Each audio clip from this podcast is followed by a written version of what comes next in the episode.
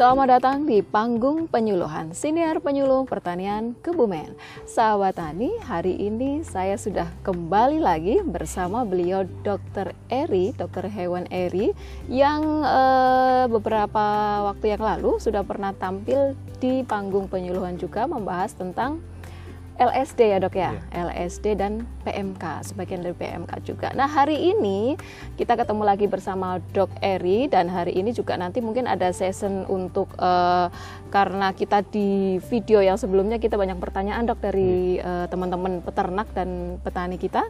Uh, nanti kita coba untuk menjawabnya satu persatu ya dok ya, tidak semuanya tapi. Oke sahabat tani kita langsung sapa. Selamat sore Dok Eri. Selamat sore Mbak Yuni. Ya, ketemu lagi. Gimana nih kabarnya nih dok? Alhamdulillah Uh, masih tetap uh, bersama pasien-pasiennya. masih. Gimana nih dok perkembangannya untuk LSD ya sahabat tani kita uh, perlu kita sampaikan juga bahwa LSD adalah lumpy skin disease yeah. ya ya jadi uh, penyakit ini termasuk penyakit ya penyakit yang uh, menyerang ke ternak sapi kita yang di masyarakat kita lebih dikenal dengan nama lato-lato begitu ya lato-lato karena mungkin lagi viral juga lato-lato. Gimana nih dok uh, untuk kasus LSD uh, eh, terutama yang ada di Kabupaten Kebumen atau yang mungkin dok Eri tangani nih perkembangannya gimana? Oh ya mbak ya makasih. Mm. Untuk kasus LSD sendiri yang disesuai dengan Wilker di Kecamatan Bulus Pesantren, mm. Kebumen dan Poncowarno, alhamdulillah sudah melandai mbak. Mm.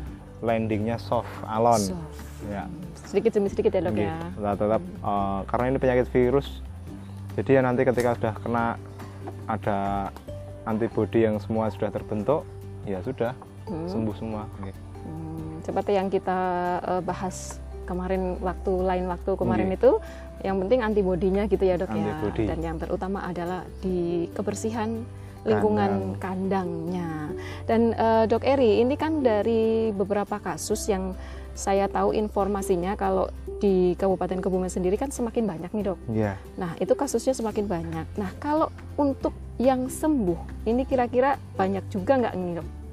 Uh, Alhamdulillah sembuh termasuk -hmm. ini bocah ini dulu. Oh, bocah ini yang ada di belakang. ini dulu kena PMK ini bisa di eh kena LSD mohon maaf. Uh, ownernya atau Pak Martijo itu hmm. WA pada tanggal 17 Maret. Hmm. 17 Maret. Iya, 17 Maret bulan lalu itu masih menunjukkan sedikit sekali bentolannya. Nanti uh, artisut ya nggak apa sih?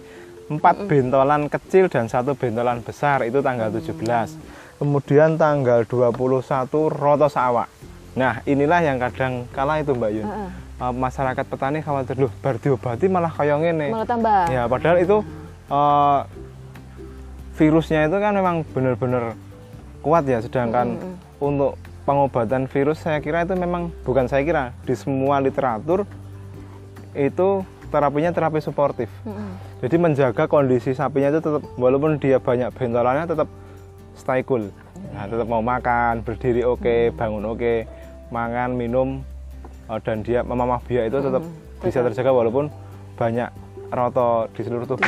Ini dulu kemarin full ini ya, yeah. jadi ini bisa sampai sebersih ini yeah. Iya. uh, sahabat tani kita yang uh, mungkin peternaknya khususnya.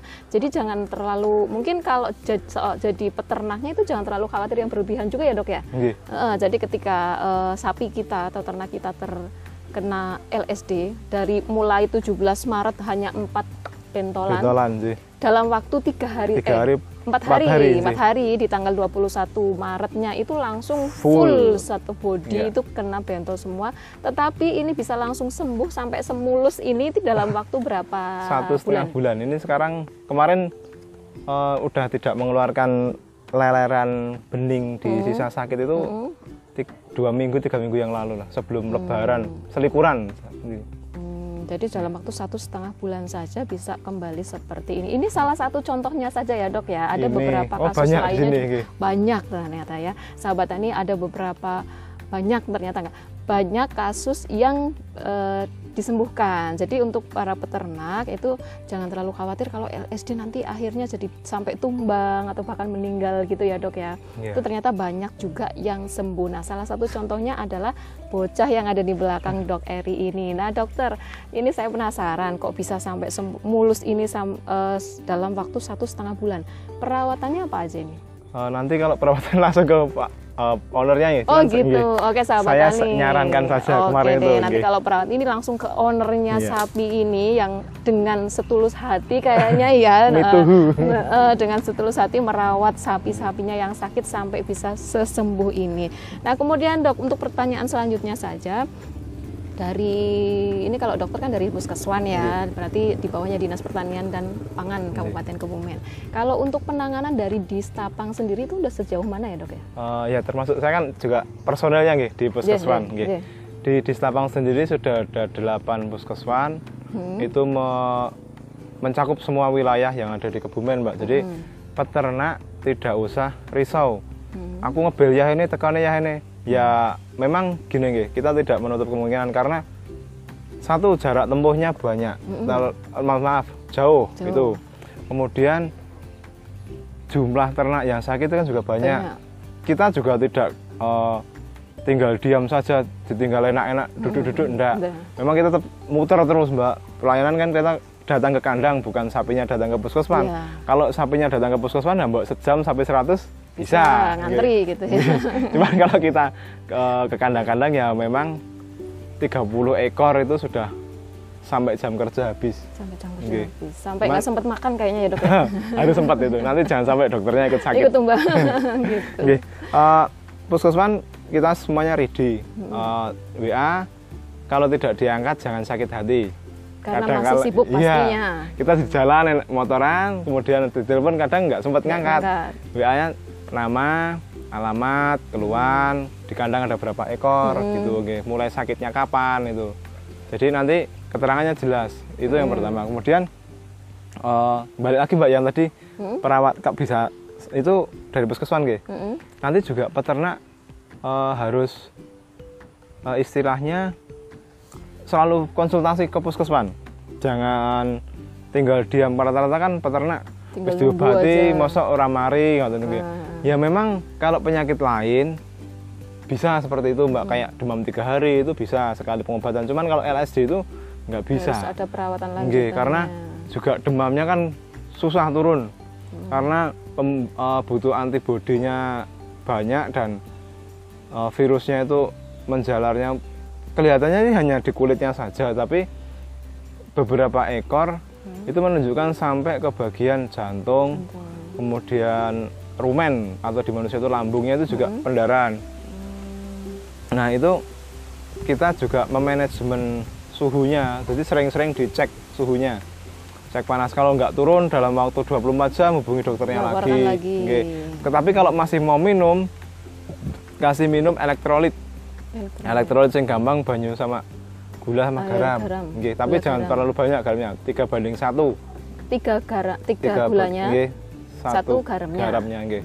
itu jangan terlalu banyak kemudian eh, perawatannya juga kadang-kala kan eh, gini nggih iseng kita browsing browsing gitu nggih kadang infonya juga belum tentu benar itu Oh yang di iya, itu di nggih, di eh, medsos medsos itu juga kadang jangan langsung percaya gitu ya dok ya nggih, tanyakan kepada ahlinya langsung Nggih. ke dokternya aja ya gitu. kita juga nggak merasa sok tahu sih cuman Heeh. eh, daripada nanti tersesat kita kasihan gitu. gitu. kemudian jangan panik Hmm. tidak perlu panik Eh, ini alhamdulillah mbak di kecamatan Bulus, itu yang potong paksa tidak banyak penjualan kondisi sakit juga tidak banyak karena saya juga mantau di pasar selain di kandang juga di pasar jadi eh, kelihatan oh, ini sapi yang sakit kemarin kok sakit kok pasar Mm-mm. nah itu nggih. potong paksa itu maksudnya gimana dok Eh, potong paksa itu eh, jadi kondisinya sudah tidak memungkinkan untuk sapi itu kembali Harus pulih. dipotong gitu. Ya itu kan eh, kita prognosanya prognosa itu keputusan setelah pemeriksaan gitu ada dubius, fausta, sama infausta. Kalau dubius itu 50-50 art- artinya apa? Dia masih sembuh ya? Enggak gitu. Tapi kalau fausta itu pasti sembuh. Tapi kalau infausta dia nggak ketolong, nggak sembuh. Nah yang infausta ini kan yang dipotong paksa. Itu kan eh istilahnya di- dijagalke lah itu kan gitu. Cuman itu memang butuh pertimbangan sangat banyak sekali karena di musim-musim seperti ini pasti banyak oknum yang memanfaatkan eh, Kasus-kasus ka- seperti ini. Iya, momen-momen seperti ini tuh ada beberapa oknum yang seneng lah. Nah, itu. Kita berjuang mati-matian untuk sapi itu tetap berdiri, tapi ada yang Ah, berjuang mati-matian yang- sapinya agar roboh itu. Dan parahnya biasanya peternak eh, percaya ke Panik nggih. eh, eh, karena panik mungkin ya, karena panik jadi langsung percaya, oh iya harus gitu. Jadi tetap karena ini eh, medis ya, kita kedepankan sisi medisnya.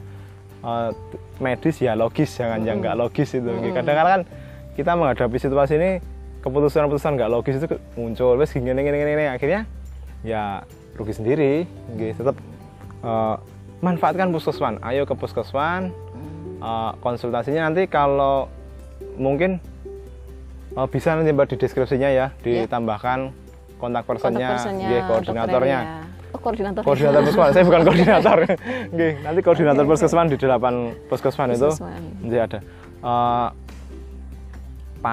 pakan juga, Mbak. Ini untuk menentukan itu Pak, selama perawatan pakan. Gimana pakannya itu harus gimana nih? Selagi sapi masih mau makan, sama seperti dulu kasih pakan yang banyak. Mm-mm. Nggih, kasih makan yang banyak. Pokoknya asupan Nutrisinya, nutrisinya, tuh harus tetap terjaga gitu ya dok ya. Dan untuk selanjutnya dok, kalau misalkan kita eh, biasanya kalau ada eh, satu penyakit apa gitu kan pasti ada gerakan serentak untuk pengendalian atau apa, mungkin penyemprotan atau apa. Kalau di LSD sendiri ini ada nggak ya dok? Ah, ada sesuai dengan petunjuknya di SOP karena ini disinyalir lalat atau serangga Mm-mm.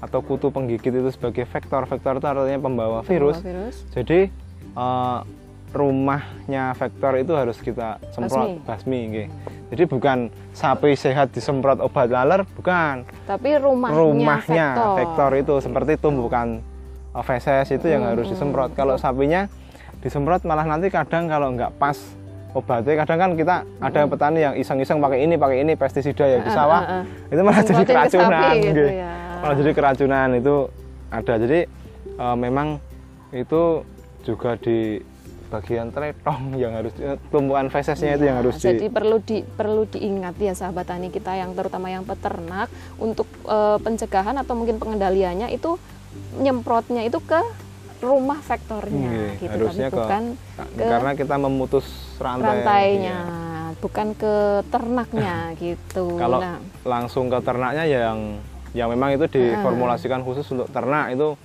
bisa Hmm. tapi kalau pestisida itu kan kadang Nah, kadang kadang karena ini jadi Nggih. panik gitu, oh ada racun ini parah, ya sama racun gitu mungkin dianggap bisa gitu ya dok ya. Nggih. Dan ini kan tadi untuk vektornya. Sekarang kalau di sapinya kan kemarin yang waktu lalu dokter pernah mengatakan bahwa ada vaksin sebenarnya tetapi terbatas. Nah kalau untuk saat ini gimana nih perkembangan vaksin LSD kita? sampai sejauh ini tidak belum ada lagi Belum vaksin ada Mbak. lagi. Nggih, belum ada lagi untuk di Kabupaten Kebumen belum ada lagi kuota vaksin dari pemerintah Hmm. mungkin nanti dalam waktu dekat saya juga kurang tahu sih mbak ya Eh, ada yang dari pihak swasta itu mau pengadaan untuk Hmm. jadi, jadi jadi masyarakat nanti beli gitu. Kalau yang kemarin-kemarin memang free ya gitu dari Iya kita kemarin kan cuma pemerintah 260 mbak, sedangkan populasi di kita 64 ribu. ya. Mm-mm, nah.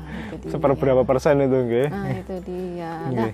ini bicara tentang vaksin, Dok. Jadi ada beberapa peternak kita yang beranggapan bahwa eh, kena LSD ini setelah divaksin PMK yang dulu. gitu. Oh, Nah, iya. ini hubungannya apa ini, Dok? Nggih, eh, mungkin gini, itu juga pendekatan secara sosiokultural kita eh, kedepankan nggih. Sebenarnya untuk vaksinnya itu yang beberapa waktu lalu yang menyeluruh Hmm. itu vaksin PMK. PMK itu dia dia eh, reseptornya ya untuk eh, golongan aptovirus untuk eh, PMK itu sendiri. Untuk LS itu sebenarnya nggak ada hubungannya, Mbak. Nggak ada Nggak hubungannya. ada hubungannya. Wong, dan non sewu, saya sendiri yang mengawasi 260 dosis itu larinya ke mana. Ke mana aja? Itu saya tahu, Mbak. Nek, Mm-mm. yang mungkin anggapannya itu karena ini divaksin PMK sebenarnya enggak. Mungkin kebetulan ada satu kasus sa- ternak yang terkena LSD itu kebetulan yang pernah divaksin PMK. PMK, ya Nah, itu banyak, banyak. banyak ya. Tapi ada juga yang nggak vaksin PMK tapi kena LSD juga ya dok ya? Lebih banyak. Nah itu lebih banyak itu sebenarnya bisa untuk uh, menutup anggapan-anggapan itu ya dok ya? Eh, iya itu eh, banyaknya kan gini. Hmm, apa ya? Beda lah istilahnya yang dimasukkan itu PMK kok yang muncul LSD itu beda. Yang jelas itu eh, jelas sangat beda. Eh, dan datangnya pun juga nggak langsung bersamaan gitu kan pasti ada berjeda gitu. Memang udah nggih. dari kapan gitu ya ya? atau mungkin mungkin begini Mbak Yuni atau mungkin Bapak Ibu semuanya atau peternak semuanya minta ke beberapa petugas yang langganannya Bapak Ibu itu untuk sapiku mau divaksin nah itu dalam tanda kutip sebenarnya bukan tanda vaksin itu Apa itu itu? mungkin vitamin Oh vitamin. Nggih, yang kenapa kok dia wis divaksin kok malah kena lah itu bisa jadi ma- eh, vitamin yang masuk Soalnya bukan vaksin sama-sama nggih. untuk ini Dis- disuntik injeksi, gitu ya, injeksi ya. Kalau vaksin itu cuma 260 kemarin itu. Heeh, ada di jadi mungkin nggih. perlu edukasi juga Nggih. untuk masyarakat kita eh, bahwa sebenarnya yang masuk ke sapi-sapi kita ternak Nggih. kita tuh bukan semuanya tuh vaksin tapi ada juga vitamin mungkin untuk pencegahan Ano- juga ya dok ya Gini, persone masyarakat peternak bahwa nek disuntik itu divaksin, padahal Divaksin. bukan. padahal bukan Nggih. Memang gini, kita kenalnya kan sapi ya. Oh, kita kenal sapi itu sebagai binatang yang memamah biak atau ruminansia. Kita menyebutnya ruminansia. Kalau ruminansia itu obatnya tidak lain bisa masuk itu kecuali pakai suntikan, Mbak. Hmm, Kalau lewat per oral, nggak bisa pil ya. atau apa itu kecuali bacacing dan B komplek itu ya nanti keluar lagi bisa. di gayem ya Iya, dok di, ya di, di dalam rumen akan difermentasi. Jadi yang paling efektif itu adalah injeksi yang dilakukan Injeksi. oleh eh, dokter hewan atau paramedik veteriner Hmm. atau mantri di bawah penyeliaan dokter hewan, itu mbak. Oh gitu Oke. ya sahabat tani. Sudah jelas ya sahabat tani. Nanti mungkin ada komen-komen juga di bawah ini dok. Biasanya nanti banyak muncul komen-komen bahwa Sudah dijelaskan Yang diinjeksikan ke ternak kita itu tidak hanya vaksin Jadi ada vitamin juga. Nah bicara tentang vitamin Vitamin tadi yang dimasukkan Ada nggak ini vitamin-vitamin? Apakah sudah ada eh, dari puskeswan Vitamin-vitamin yang diinjeksikan ke ternak kita Yang khusus untuk mencegah LSD Eh, vitaminnya semua itu suportif mbak, ada untuk bukan untuk mencegah tapi sedikit meningkatkan, sedikit meningkatkan meningkatkan eh, imun. Jadi tidak pernah tidak usah khawatir bapak ibu. Kadang peternak kan risau, ih, ini sapiku meteng ya, kok disuntik. disuntik. Padahal itu, itu vitamin. bunting yang itu, sapi itu bunting. Iya, Kemarin gede banget ini. pas kena PMK dia bunting 7 bulan, warak itu suntikan. Akhirnya keluarlah ini. Kemarin bunting satu setengah eh, kawin satu setengah bulan, injeksi lagi, PKB sekarang tiga bulan udah bunting. Jadi nggak nggak nggak usah nggak usah takut. Sapiku meteng kok disuntik kok kepiye? Nah, Nah, justru kalau nggak disuntik itu bahaya. Memang gini mbak, LSD itu juga walaupun bentolnya di kulit, pada sapi bunting dapat menyebabkan keguguran. Janjane yang menyebabkan keguguran itu penyakitnya, bukan penyakitnya, suntikannya. bukan suntikannya. nggih. Gitu. Karena juga nanti di literatur juga disebutkan itu LSD tidak menular kepada manusia, so aman dagingnya. Nah itu kan, tetapi menimbulkan kerugian seperti sapinya kurus, kemudian eh, kerusakan kulit, Hmm. kemudian sapi ini jadi geringen, kurus itu guys, terus keguguran. Ini yang paling ya sebenarnya masuk data 800 ekor mbak. Yang 800 ekor itu semuanya kalau yang induk-induk bunting kemarin saya itu ada di rekam medis 300an lah. Itu kena LSD dan saya obati semua. Dan alhamdulillah yang keguguran pasca pengobatan hanya dua. hanya dua. itu pun juga bukan karena pengobatan. Jaraknya sudah lama. Sapinya sudah fit enjoy nggak apa-apa. Dua minggunya keguguran. Itu karena virusnya itu masih ada di dalam tubuh mbak Nggak, kalau misalkan eh, dalam keadaan bunting, itu kan kalau misalkan itu sampai keguguran bisa menyebabkan keguguran ya. Yang nggak keguguran sampai eh, si sapi melahirkan, apakah anaknya sapi itu aman juga dok? Oh, sejauh ini yang di lapangan Hmm? itu nggak apa-apa ada yang masih sehat-sehat saja sih dengan catatan ketika melahirkan induknya sudah sehat nggih. Nah itu yang saya tanyakan tadi kalau sudah melahirkan, tapi waktu dia masih LSD. Waktu masih LSD ya dikhawatirkan kan karena kontak fisiknya sudah terlalu dekat nggih. Mm-mm, dan tertular antibodi maternalnya belum terbentuk karena induknya belum sembuh kan otomatis belum timbul antibodi yang untuk melindungi pendeta itu. Eh, atau belum cukup lah antibodinya itu bisa masih bisa tertular tapi tidak begitu parah. Tidak begitu parah gitu. yang Jadi di tidak, lapangan itu begitu mbak. Tidak perlu khawatir juga ya kalau sapi kita bunting apalagi kalau dikasih vitamin itu vitamin ya betul sahabat tani jadi vitamin itu juga kemungkinan untuk uh, apa vitamin ibu hamil gitu ya. Kalau kita di manusia kan ada asupan uh, nutrisi untuk ibu hamil juga. Nah sekarang bicara tentang tadi sempat disampaikan sama Dok Eri bahwa uh, dagingnya. Tadi ya ada yang khawatir dengan dagingnya dari sapi yang uh, pernah terkena LSD seperti yang ada di samping tadi ini kan sudah sembuh ya, udah sembuh total seperti tidak ada tidak pernah terjadi apa-apa gitu. Nah ini dagingnya tetap aman nggak ini dok? Aman. Aman. aman. Bisa dipastikan aman ya dok ya. Ada beberapa uh, sahabat tani kita atau peternak kita yang menganggap bahwa nggak uh, berani gitu makan dagingnya. Mungkin karena sudah tahu pernah terkena ini, terus kemungkinan juga masuk sampai ke dagingnya itu gimana dok? Apakah ada ada memang pernah ada kasus begitu atau enggak dok? Biasanya di tingkat jagal di afkir mbak itu mbak. Oh masuk ke afkir yeah. gitu. Tapi berarti kelihatan dong dok? Kelihatan, kelihatan merah, ada, merah. ada ada uh, ciri-cirinya yang sudah kena LSD. Bu, sebenarnya sapi yang sakit kena LSD itu dagingnya basah mbak. Basah. Semua berair sapi gitu sakit ya, itu berair, ya? dagingnya kuyur-kuyur lah itu. Hmm. Kelihatan bedanya itu hmm. kalau dipegang itu uh, refleks untuk kembali lagi itu agak lama dan cenderung hmm. berair cenderung berair. Nah, kalau ada ada di di apa rumah pemotongan hewan, misal ada pemotongan daging dari sapi yang kena LSD, itu biasanya dipasarkan ke mana dok? Itu nanti masuk ke pasar ya semua biasa. sih, nggih, biasa sih. Itu. Tapi karena aman nggak apa-apa ya dok ya berarti ya? Ya sahabat tani sudah dipastikan itu aman ya sahabat tani bahwa eh, daging yang dari walaupun sudah pernah terkena LSD tapi kalau di rumah pemotongan hewan pun itu tidak semua bukan semua sih mayoritas juga enggak ya dok paling enggak. paling ada beberapa enggak. aja gitu ya dan itu sudah sehat sahabat tani jadi tidak perlu khawatir kalau kemarin kan kita Idul Fitri ya banyak yang uh, pemotongan apa daging-daging sapi kan banyak masyarakat kita yang takut.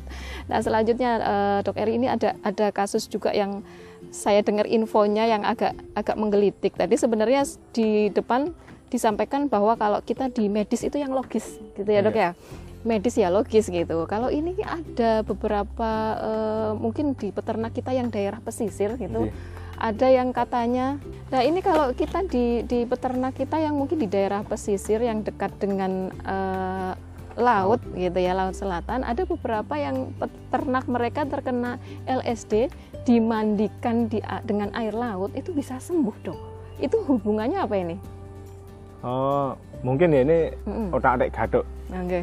mungkin karena kadar garamnya tinggi jadi itu mm. dia uh, bukan langsung sembuh gitu mm -mm. karena uh, kadar garam yang tinggi itu dia menurun menurunkan resiko cemara eh apa infeksi sekunder hmm. jadi nggak nggak pecahnya bentolan, bentolan. itu tidak merembet gitu loh hmm. dan LSD itu ada yang bisa sembuh sendiri itu pada yang sebelah sembuh sendiri mbak yang ini ya yang kandang sebelah itu dia tidak ada pengobatan juga hmm. uh, sembuh dan banyak sekali di masyarakat aku pakai ini mari aku pakai ini mari, mari. aku pakai ini mari ibaratnya kita punya satu ekor sapi sakit yang datang itu uh, 50 orang hmm. pasti mengeluarkan saran 50 pendapatnya sendiri-sendiri pendapatnya gitu. sendiri-sendiri intinya tetap uh, semua itu tergantung dari antibody antibody okay. hmm. antibody dan uh, kadang masyarakat juga memberikan pace itu kan untuk mendinginkan pace itu mengkudu, mengkudu ya? okay.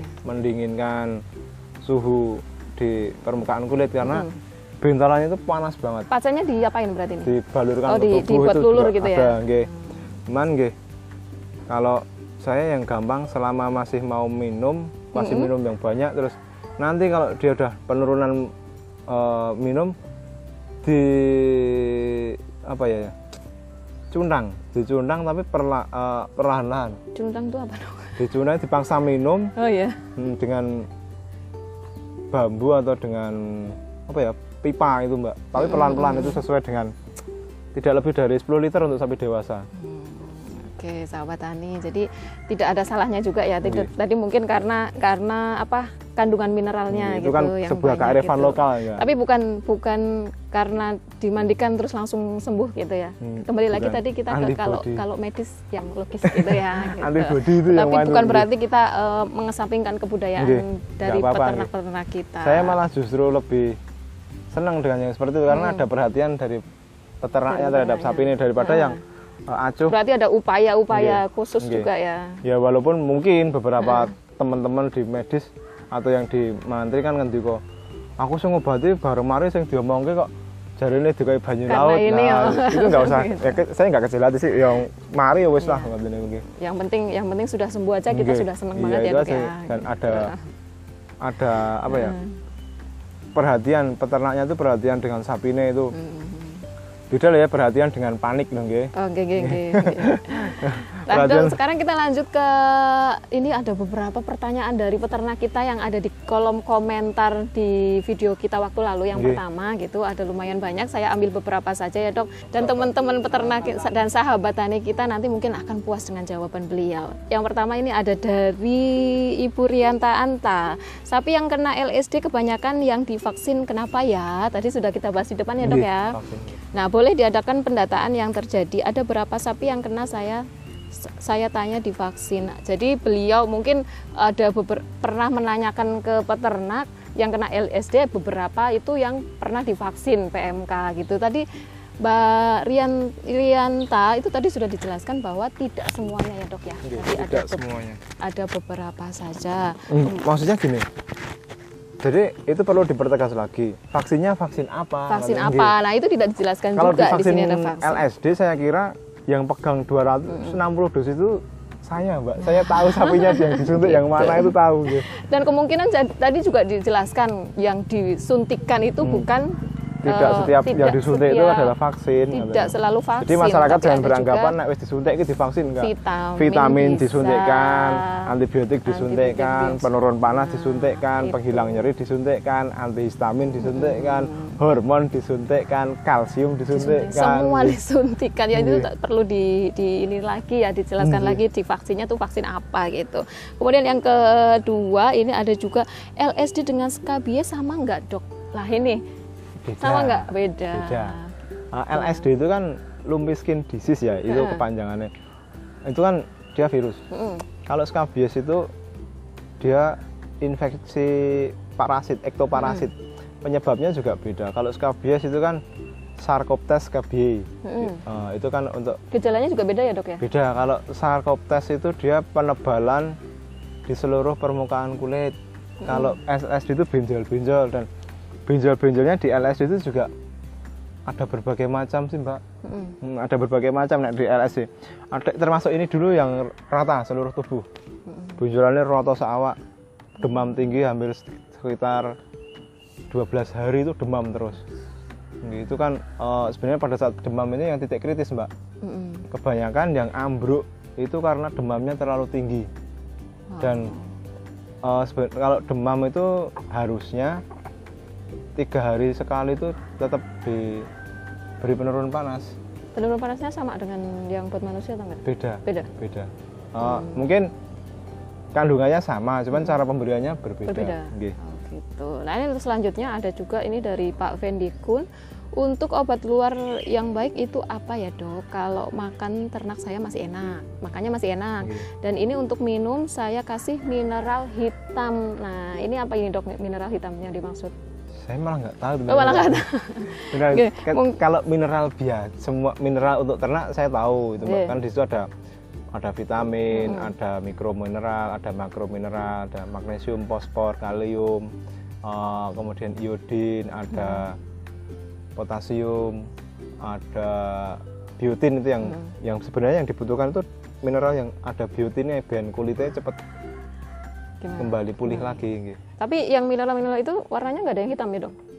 Saya kira nggak ada loh yang warna hitam. Oh, mungkin ini eh, kurang paham juga ya Iya. untuk Pak Fendi nanti dijelaskan lagi mungkin bisa komentar di kolom yang sekarang ini ya. Eh, jadi untuk obat luarnya itu yang baik apa dok tadi ditanyakan? Eh, obat luar ya antiseptik. Antiseptik. Oke, antiseptik Seperti semua antiseptik yang kayak yang digunakan. buat kita di manusia juga bisa ya dok? ya? Bisa, ada yang untuk kadang campuran mandi itu bisa ada yang berwarna ungu itu juga bisa. Yang berwarna biru itu bisa. Kemudian pakai desinfektan tapi harus dibaca aturan pakainya. Jangan terlalu pekat. Nanti selain dia racun ya juga menyakiti sapinya ini kemarin juga pakai desinfektan sih kan Yang ini? Nggih, semua desinfektan yang soft untuk ini. Hmm, Nah, dan ini pertanyaan Cacar. selanjutnya ini cocok nih sama ini. Ini kan termasuknya masih pedet ya dok ya? Nggih. Masih pedek. Nah ini dari Pak Mukti Setio, Mas Dokter, tolong bahas untuk penanganan khusus pedet. Rata-rata yang yang terkena itu tergolong masih pedet soalnya. Itu ada ada perbedaan nggak untuk yang pedet sama yang sudah dewasa untuk perlakuannya? Sebenarnya tetap kontrol suhu. Suhu. Hmm, karena pedet itu dia kelemahan karena suhunya terlalu tinggi sampai mendekati 40 derajat. Normalnya kan nggak sampai 39. Hmm, Kenaikan setengah derajat saja sudah menimbulkan kerusakan organ. Salah satunya ginjal, jantung itu, Mbak. Nah, nek pedet tetap itu penurun panasnya masuk, susunya masuk itu, Mbak. Harus Masih masuk, tetap. Nah itu bicara tentang eh, asupan susu ya dari dari apa induknya itu kalau LSD itu tetap boleh menyusu ke induknya dok? boleh, Boleh. boleh. Oh, kalau kalau setahu saya dulu yang PMK itu kan nggak boleh menyusu Kalau induknya ke sakit, iya kalau induknya Oke. sakit gitu maksudnya itu nggak boleh ya Nggak kalau boleh, kalau induknya LSD itu tetap boleh ya dok ya kemarin juga nggak ya nggak ada penularan sih kalau di nggak ada.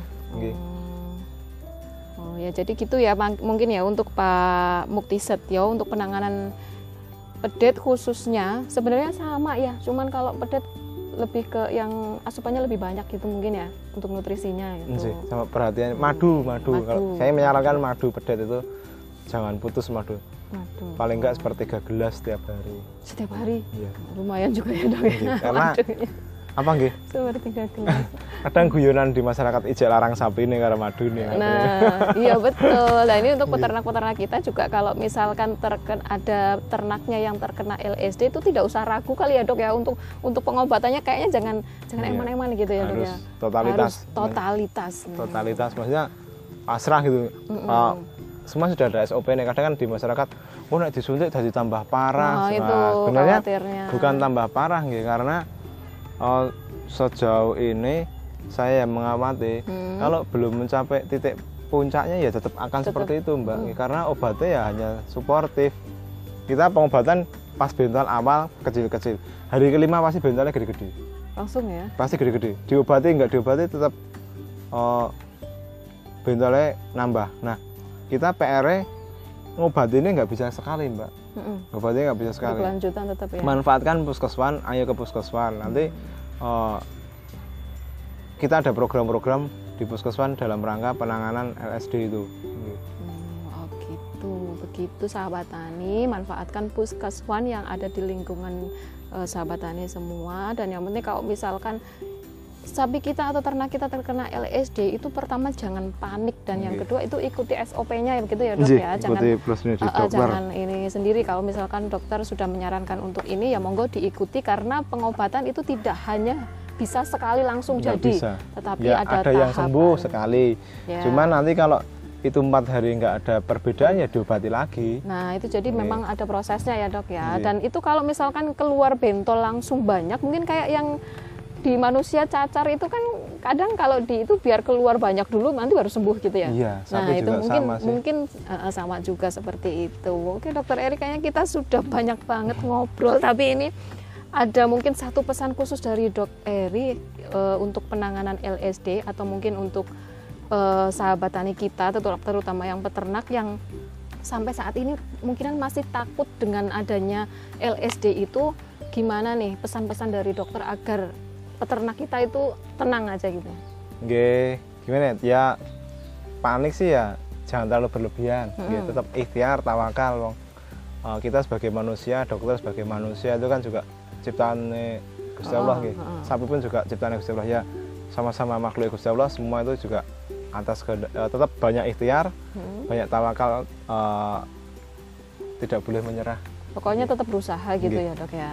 Nah, ini kan kita dari sisi eh, tenaga medisnya. Mungkin lain waktu kita akan membahas dengan peternaknya mungkin ya dok. Nanti ada Bisa. rekomendasi dari dok Eri ya mungkin yang dari peternak Iya. yang mempunyai ternak tapi sudah sembuh banyak gitu. Nggih, bisa. Oh, Ciki juga mau apa, Mbak? Titip, masih ada. Apa ini? Kalau yang sudah kadung ambruk. Oh iya perlu Iya. juga monggo dok. kalau sudah kadung ambruk, pastikan pada saat sapi kena LSD, dia tiduran kok lebih dari 4 jam, segera dibangunkan. Hmm, Nggih, jangan sampai kelamaan. Nanti kalau kelamaan wis kadung kepenaan bablas di rumah.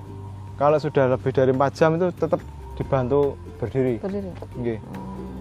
Terus kalau sudah susah dibangun berdiri, dibolak-balik 4 jam sekali, miring kanan, miring kiri, miring kanan, Hmm. miring kiri dengan catatan alasnya harus tebal biar tidak Tetap ada yang empuk itu luka. ya. Nanti LSD ini sembuh, dengkulnya lecet. Luka. Ya, itu juga malah nanti tambah penyakit baru. Kadang LSD-nya virus itu hilangnya eh, nggak sampai sat- dua bulan lah katakan, katakan seperti itu. Tapi infeksi sekundernya bisa Masih lebih ada ya? gitu. atau yang bengkak di eh, pergelangan kaki kadang itu kan gitu mbak. Heeh. Pos infeksi LSD itu ada yang bengkak di pergelangan kaki itu nanti kalau mecah kan mengeluarkan nanah Mm-mm. Nah itu bersihkan, diprototi terus kasih eh, antiseptik, atau desinfektan yang untuk luka itu mbak. Harusnya sih antiseptik, rajin sehari dua kali itu antiseptiknya. Ya, udah, udah dok. Ya itu sahabat tani juga ada info tadi barusan yang sangat penting juga untuk eh, perawatan sapi kita sehari harinya, apalagi sapi yang sudah terkena LSD dan yang paling penting itu memang eh, pengamatan ya dok ya. Nggih. Kalau kita ada mungkin sapi kan biasanya kandang di dekat rumah biasanya Nggih. ya. Itu kita harus selalu mengawasi atau pengamatan jika sudah ambruk tadi harus segera ditangani seperti yang dok Eri sampaikan. Nah, Jangan ini sampai untuk- ambruk itu. Jangan sampai ambruk malah. nggih. Minum Kalau- selalu disediakan air minum mbak. Selalu sediakan air minum, Nggih. jangan Dan sampai gula eh, Jawa. dehidrasi ya. Nggih. Gula Jawa ini untuk apa dok? Dia vitamin C, vitamin C juga untuk menambah Ah. imun, kemudian penambah karena dia di- berasal dari fruktosa lebih cepat dicerna sebagai energi bypass. Jadi tidak Jadi perlu gula Jawanya itu dilarutkan di air minumnya. bisa dilakukan di air minum atau didulangi itu. Oh bisa, Nggih. mau itu. Oh. Ini kemarin habis berapa lirang? Oh, lumayan juga Nggih. ini. Tapi Ya, lebih oh. mahal sapinya ya dok ya. Gitu. Keluarga Oke dan Keluarga ini yang juara. terakhir dok closing statementnya dok Eri sebelum nanti mungkin kita bikin video yang lebih lanjut lagi monggo dok. closingnya apa gitu? Tetap semangat lah Tetap kita. semangat untuk peternak kita. peternak ya. karena eh, selama masih ada tukang rendang dan tukang bakso masih banyak Masih membutuhkan banyak. daging. Nah, sekarang malah kayaknya tukang bakso nambah terus ini dok, Iya. apalagi lebaran kemarin. Oke. Tetap banyak eh, tetap butuh daging. Semangat peternak. Niku Semangat nggih. beternak. Dan perlu kami sampaikan ini di akhir saja karena kita ada di daerah desa Bercong. Bercong, Kecamatan Bulus Bulus Pesantren, Kabupaten Kebumen. Terima kasih Dok Eri sudah eh, mengizinkan kami mengganggu lagi. Ini kayaknya juga sibuk banget. Tadi sudah beberapa kali ada telepon, ada WA mungkin dari pasien juga ya Dok. ya? Hmm. Yang pemilik pasiennya maksudnya. Kalau dari pasiennya kan nggak mungkin. Oke. Dan sahabat tani, eh, terima kasih sekali lagi Dok Iya. Eri. Petani Indonesia berjaya, sejahtera dan bahagia. Penyuluh pertanian Kebumen aktif, kreatif, inovatif. Saya Yuni Mersi, terima kasih dan sampai jumpa. Terima kasih Dok. Nggih.